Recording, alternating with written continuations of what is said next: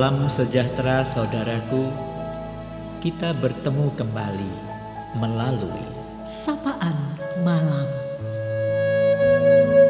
Ada berkat Tuhan untuk kita, firman Tuhan yang akan memberi penghiburan. semakin seseorang tidak sadar akan adanya kekurangan, maka semakin jauh dia dari rasa membutuhkan apa yang kurang itu.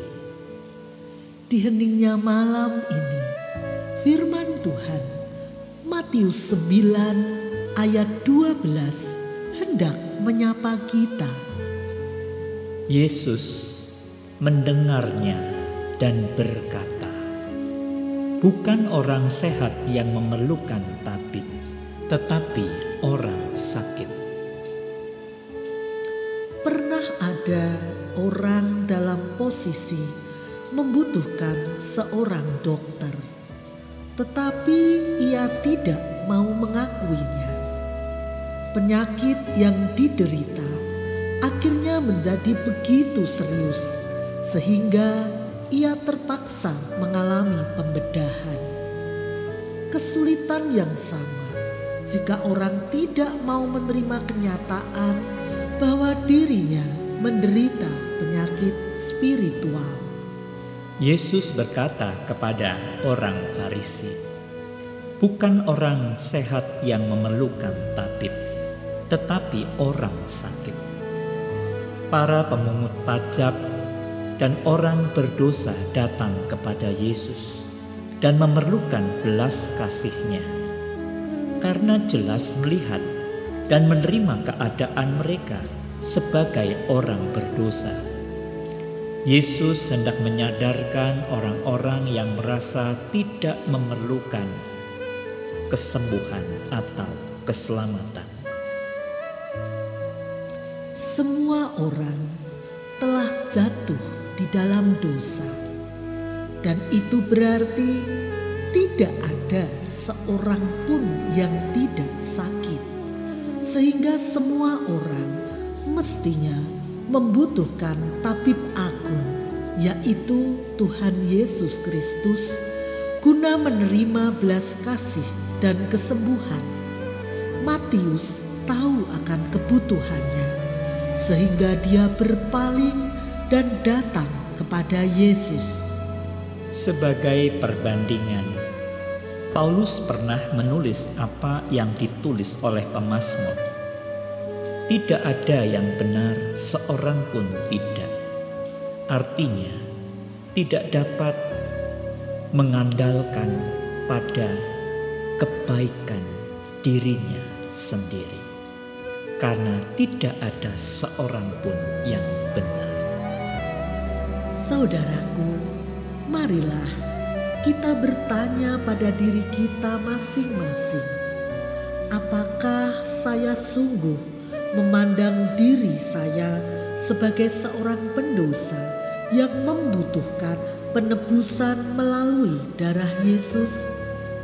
Adakah kecenderungan untuk berpikir bahwa selama ini kita oke-oke saja memandang enteng arti dosa dan berkata, "Ah, kita kan cuma manusia biasa, bukan malaikat.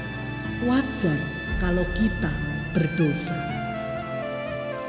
Matius datang kepada Yesus karena dia mengakui sebagai orang sakit atau berdosa, dan bahwa Yesus dapat menyembuhkannya dan menyelamatkannya. Semoga begitu juga halnya dengan kita masing-masing. Kita datang kepada Sang Tabib Agung dan diselamatkan.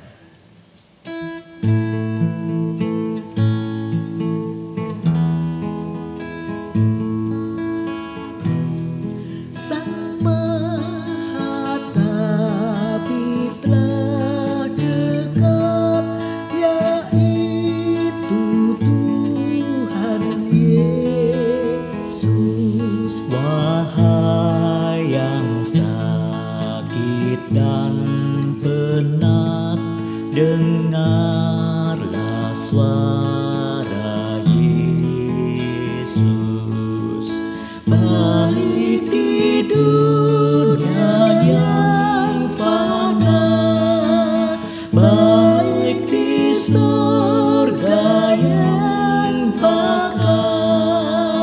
yang terindah selamanya.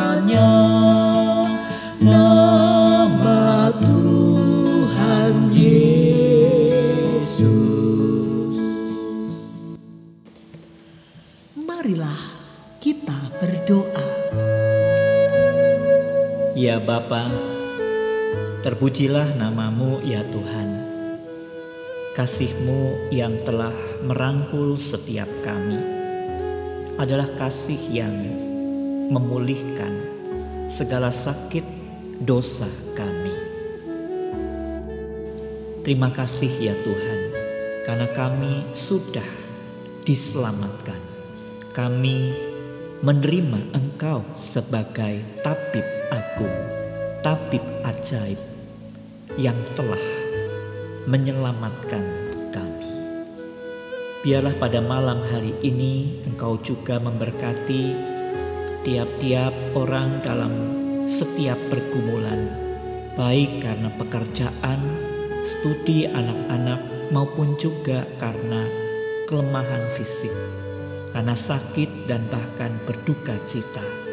Tuhan yang akan berkenan memberkati setiap anak-anak Tuhan di dalam setiap keadaan mereka.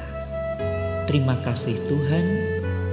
Kami berdoa di dalam nama Tuhan Yesus Kristus.